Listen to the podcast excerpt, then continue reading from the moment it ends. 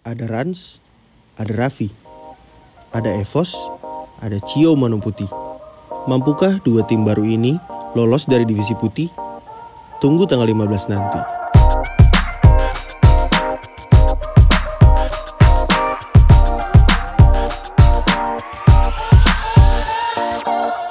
Selamat pagi, selamat siang, selamat sore, dan selamat malam para pendengar setia Basket Indonesia. Kali ini masuk ke episode keberapa nggak tahu. Yang jelas kita di comeback season, ya ya. Ya, masuk ke episode kedua kalau di season baru, tapi ini udah berjalan seratusan lebih harusnya bu episodenya. Seratusan lebih dan di Ya. tahun baru lah kita sebut episode kedua aja, ya kan? Iya betul, betul sekali. Dibanding kita pusing kan. iya makanya betul sekali. Ya kalau di episode kemarin kita bahas eh, divisi divisi apa tuh? Divisi put- put- merah ya berarti ya kemarin. Merah, episode ya, merah. divisi merah. Berarti sekarang kalau misalnya kita naikin hari Rabu berarti udah Hamin 2 atau Hamin 3 IBL akan berjalan. 2000 IBL Yes. 2022 akan berjalan di Hall Senayan berarti ya. Hall Senayan. Seri Jakarta. Betul sekali. Ya, di Hall Senayan Jakarta. Kemarin kita udah bahas divisi merah, sekarang kita akan bahas divisi putih.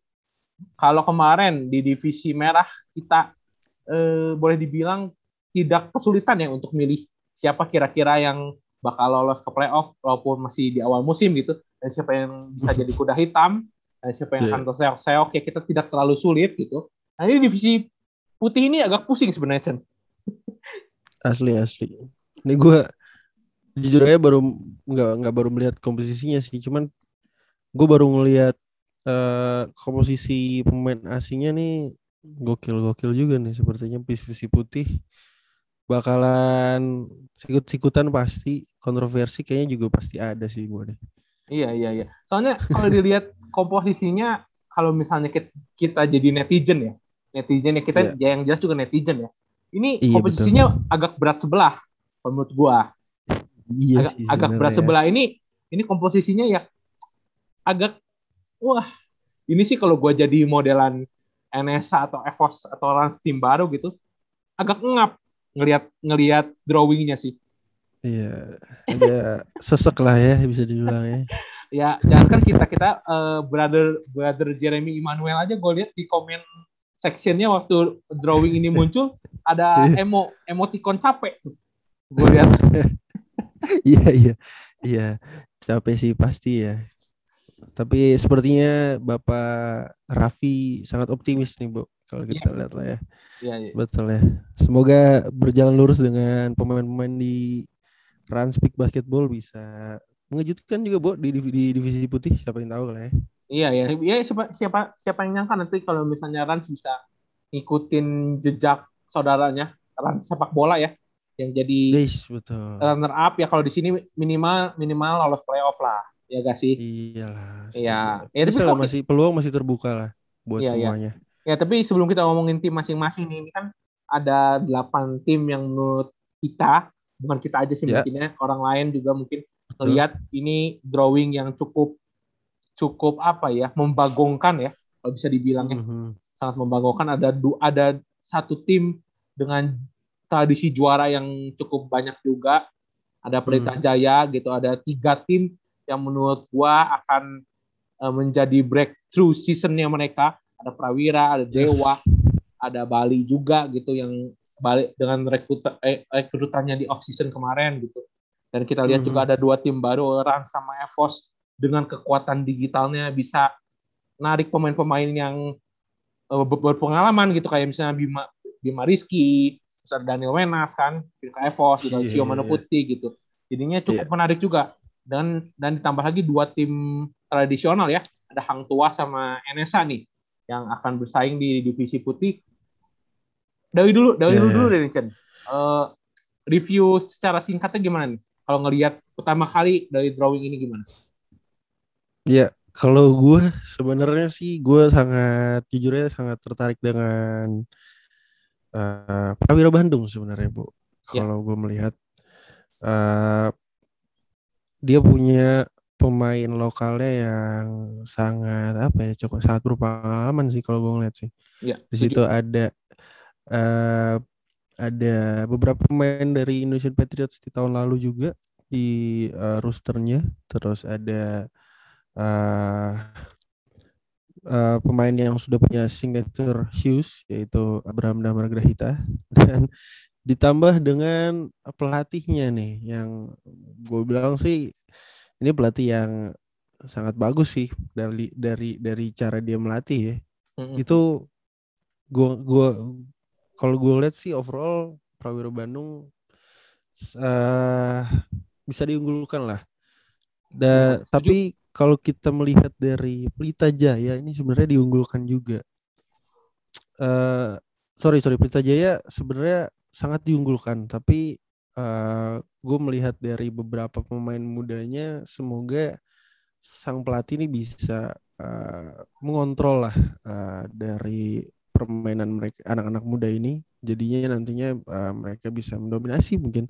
Tapi kalau kalau untuk posisi uh, masuk ke playoff ya sebenarnya gue lebih ke uh, dua tim ini sih dua tim tadi Prawira Bandung dan si Pelita Jaya Bakri Jakarta ini punya chance yang cukup besar lah ya bu bisa dibilang ya uh, dengan komposisi pemain dengan pelatih coaching staff manajer dan segala macamnya mereka cukup siap lah ya untuk untuk next season ini.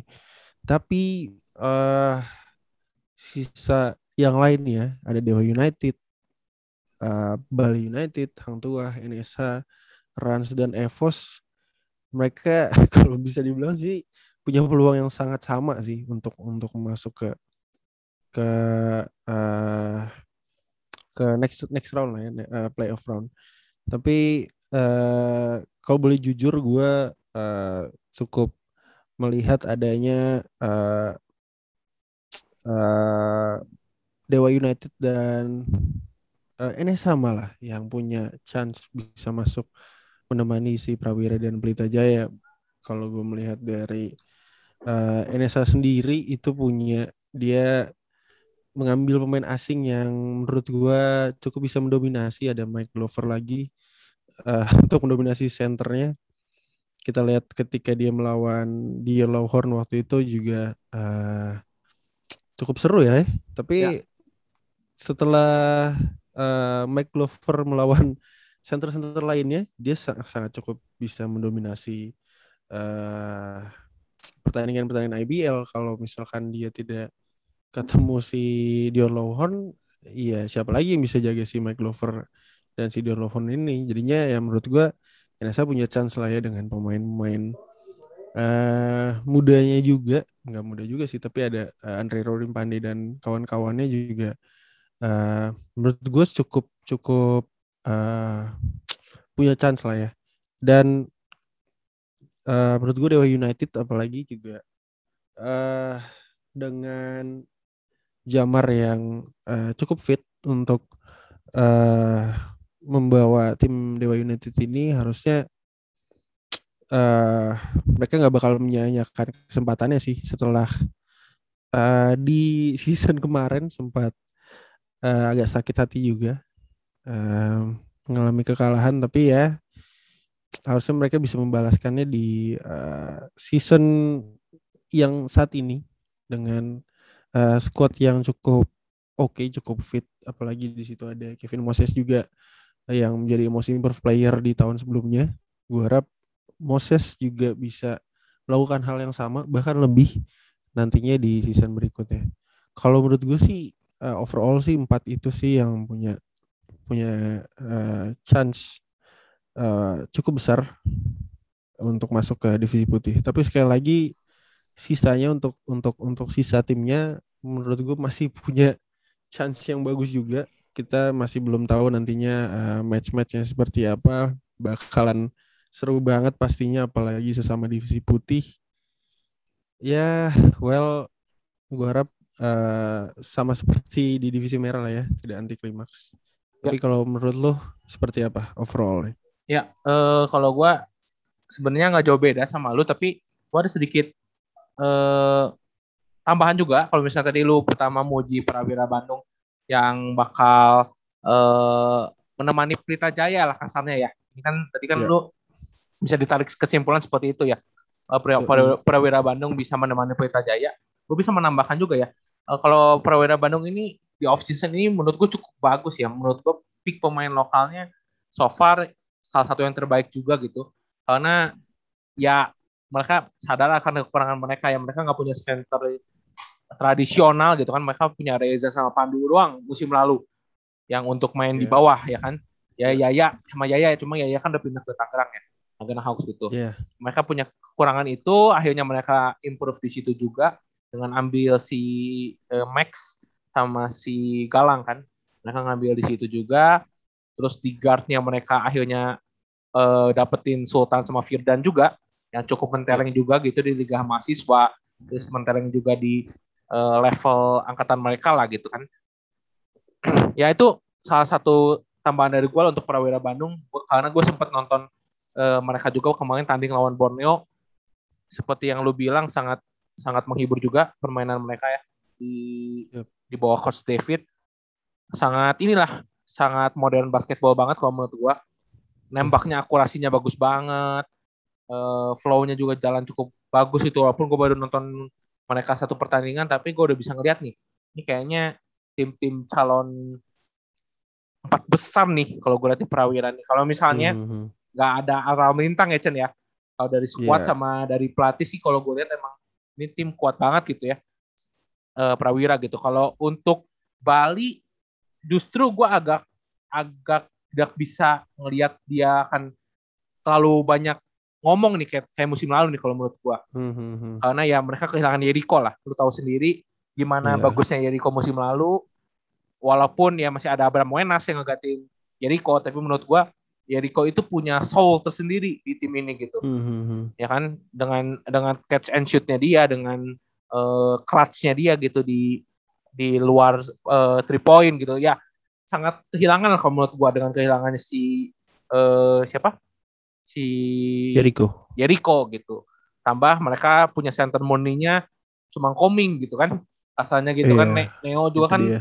Neo juga kan posisi 4 sebenarnya gitu. Agak susah sih cuma yang nggak tahu nanti dengan Kendall Yensi-nya gimana atau dengan pemain gedenya William Green. Ya William Green gimana? Kita kan belum belum nonton ya Chen ya. Kita tidak bisa iya. tidak bisa apa ya ngasih eh apa ya? ngasih judge lah ke mereka karena kita kan cuma ngeliat dari squad lokalnya based on uh, last season gitu kan. Iya yeah, betul. Hmm, nah kalau Dewa United ini menarik nih. Kalau misalnya Jamar, Jamar dihitung pemain lokal dan bisa bermain dengan duet pemain asing, berarti berdua di yeah. lapangan satu court. Ini menurut gua akan jadi satu poin plus tersendiri buat Dewa ya. Karena karena mereka kan secara uh, squad lokal kan uh, Ius udah cukup berumur Koyus gitu Kaleb yeah. comeback season walaupun ini tiga-tiganya MVP ya Jamar Kaleb dan uh, Ius gitu Ius yeah. ya sisanya kan mereka kan uh, tinggal sisa Kevin Moses terus ada Nicholas Mahesa Dio Dianza gitu yang boleh yeah. dibilang uh, ya guard-guard cukup cukup inilah cukup mentereng tahun lalu gitu apakah nanti musim ini bisa compete juga gitu ya kita nggak tahu juga gitu tapi mm -hmm. uh, setidaknya tadi yang gue balik lagi ngomong kalau misalnya Jamar bisa bermain bareng dengan uh, guard atau pemain forwardnya Dewa di satu court bareng ini akan jadi problem nih buat tim-tim lain gitu. Dan uh, ini FYI juga asingnya dari Dewa United juga dua-duanya big man sih center sama power forward sih. Nah itu kan menjadi menarik kan berarti ada iya. satu ada satu ada satu space di di bawah akan bisa didominasi oleh Jamar sama satu pemain asing Dewa gitu kan. Ini kan hmm. jadi handicap tersendiri nih buat Dewa nih. Misalnya gue lawan Glover, Glover pasangannya sama Randika, ya gue jamar sama si ini gitu kan. Jadi kasarnya yeah. mereka punya handicap tersendiri gitu di Dewa. Nah kalau misalnya uh, gue ngeliat siaran, Rara nonton Rans sudah dua kali nih lawan nonton Rans lawan Borneo sama lawan apa kemarin. Rans ini hmm. menurut gue terlalu undersize ngambil si siapa tuh Sean Hayward ya Terus Shane Hayward kan pernah main di Satya Wacana tuh dulu. Betul. Ya itu menurut gue terlalu undersize walaupun secara kekuatan pen area kalau gue lihat highlightsnya waktu gue gue iseng tuh kemarin ngelihat highlightsnya si Shane Hayward waktu di Satya Wacana. Oke okay sih oke, okay. cuma menurut gue kalau bandingannya sama kayak Mike Glover sama Dio Lohorn agak berat Chen. Jujur aja sih, agak berat. Yeah. Dan dia untungnya untungnya punya pemain lokal cukup gede-gede untungnya dia punya si Kiang yeah. Lim dia punya Betul. si Oki ya Oki juga kan bisa main empat ya kalau kalau kita lihat di Hang Tua kemarin defense dia Yeah. bisa jaga pemain gede kan gitu Ada Tino juga.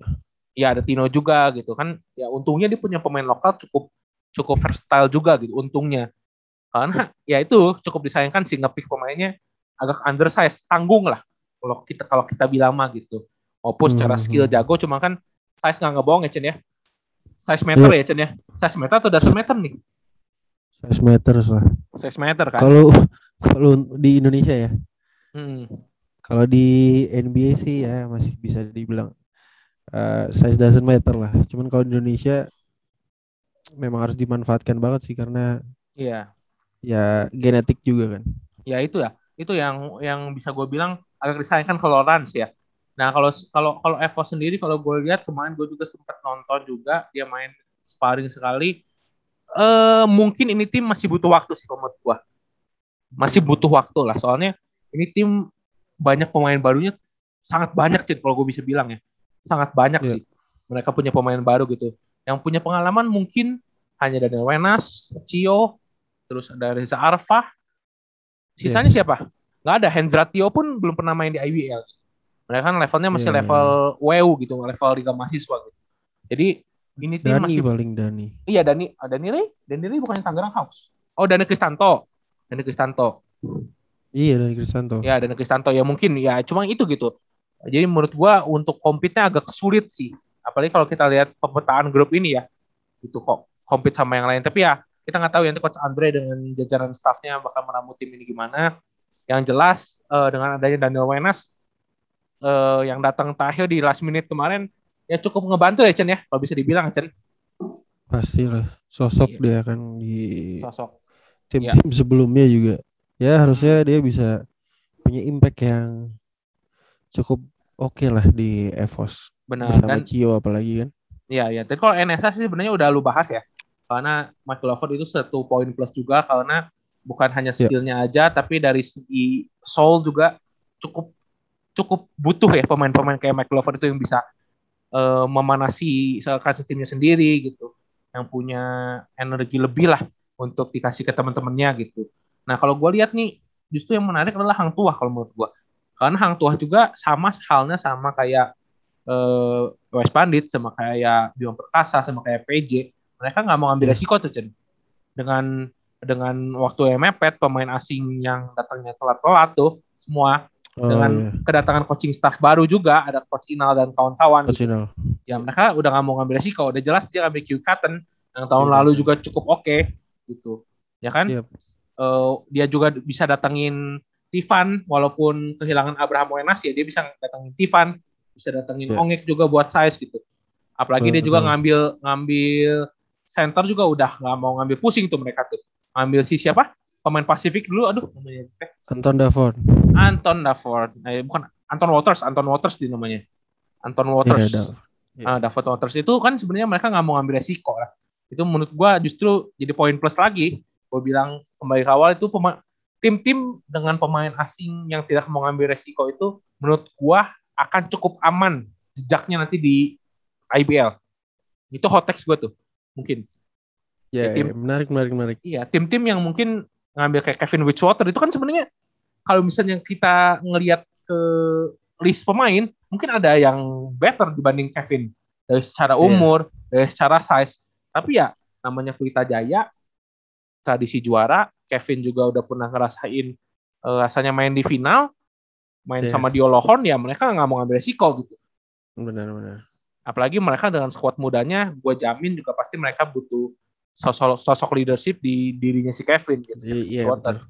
Jadinya ya itu hot text gua untuk tim-tim yang punya pemain asing sama lagi ya at least mereka nggak akan kesulitan lah.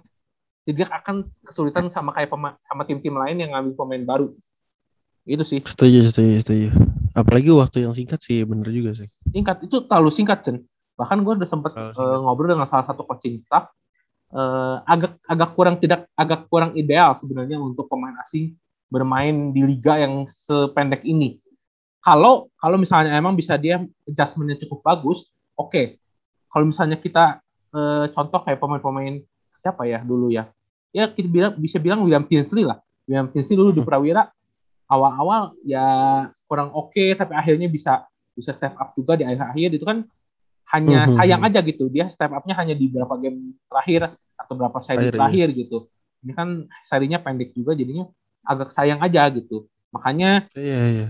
makanya ya kita lihat aja nanti siapa yang bakal berjaya gitu apakah tim-tim baru dengan dengan pemain asing barunya atau tim-tim yang udah lama dengan pemain lamanya juga gitu Iya iya iya. Tapi ya sekali lagi divisi putih semua tim masih punya kesempatan yang sama Iya dong. Ya apalagi eh, tim-tim baru ini dengan pemain-pemain asingnya kalau gue ngeliat ada si Jalil Austin di Rans juga itu juga dia cukup versatile sih kalau gue ngeliat Ya. beberapa highlightsnya terakhir Benar. tuh setuju dan di EVOS pun juga sama. Ya kita lihat lah nanti di season terbaru ini kita bakal mendapatkan eh, kejutan-kejutan pastinya. pasti dong Apalagi dengan kejutan-kejutan dari banyaknya artis-artis ya yang mulai menjadi eh ibaratnya apa ya penyemarak lah ya bu di IBL iya inilah buat ke 2022. eh, bukan penyemarak sih buat jadi eh, apa ya pijakan batu lah untuk pijakan batu untuk IBL lebih naik satu level lah Chan ya gak sih harusnya, harusnya. Iya. Semoga pemain-pemainnya juga naik satu level ya, bukan benar liganya aja. Ya, tapi by the way, ini kalau oh ini di luar konteks kita ngebahas divisi putih ya. Ini Ya. gue pengen nanya pendapat lo ya. Ini Baim Wong ini kan bergabung sama Satria Muda ini kan sebenarnya kita udah dengar lama ya Chen ya. Si Baim Iya. bakal bergabung sama Satria Muda. Cuma Iya. kalau menurut gue pribadi agak kurang challenging ya Chen ya. Gabung Satria Muda bener gak sih? Iya, agak kurang challenging. Harusnya ke Kalila Jakarta mungkin ya. Ya. Enggak maksud gue jangan jangan ke tim-tim yang udah secara finansial kuat lah. Iya, menurut iya, gua. iya, iya, harusnya iya, iya. mereka eh harusnya kemodalan Baim gitu kayak Gading lah kayak Gading oke lah Tubulus Bandit secara tim Bandit baru oke lah ya.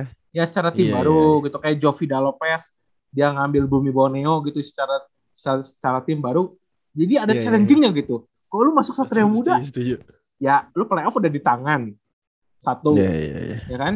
Kedua secara regenerasi selalu oke. Regenerasi tim.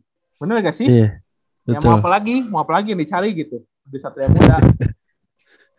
Iya sih, asli sih. Tapi ya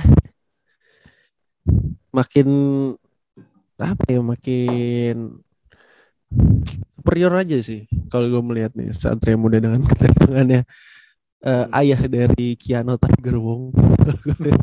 sama Kenzo setuju, Dra- setuju sih. sama Kenzo Dragon apa Dragon Wong apa Tiger Wong. oh si Kenzo-nya adiknya adiknya kan Oh, gue nggak tahu nggak tahu tahu.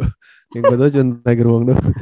Tapi ya ya semoga eh apa ya tim-tim lainnya lah ya bisa step up juga maksudnya bisa bisa ada beberapa eh, orang-orang besar yang bisa tertarik untuk invest ke tim-tim kecil ini.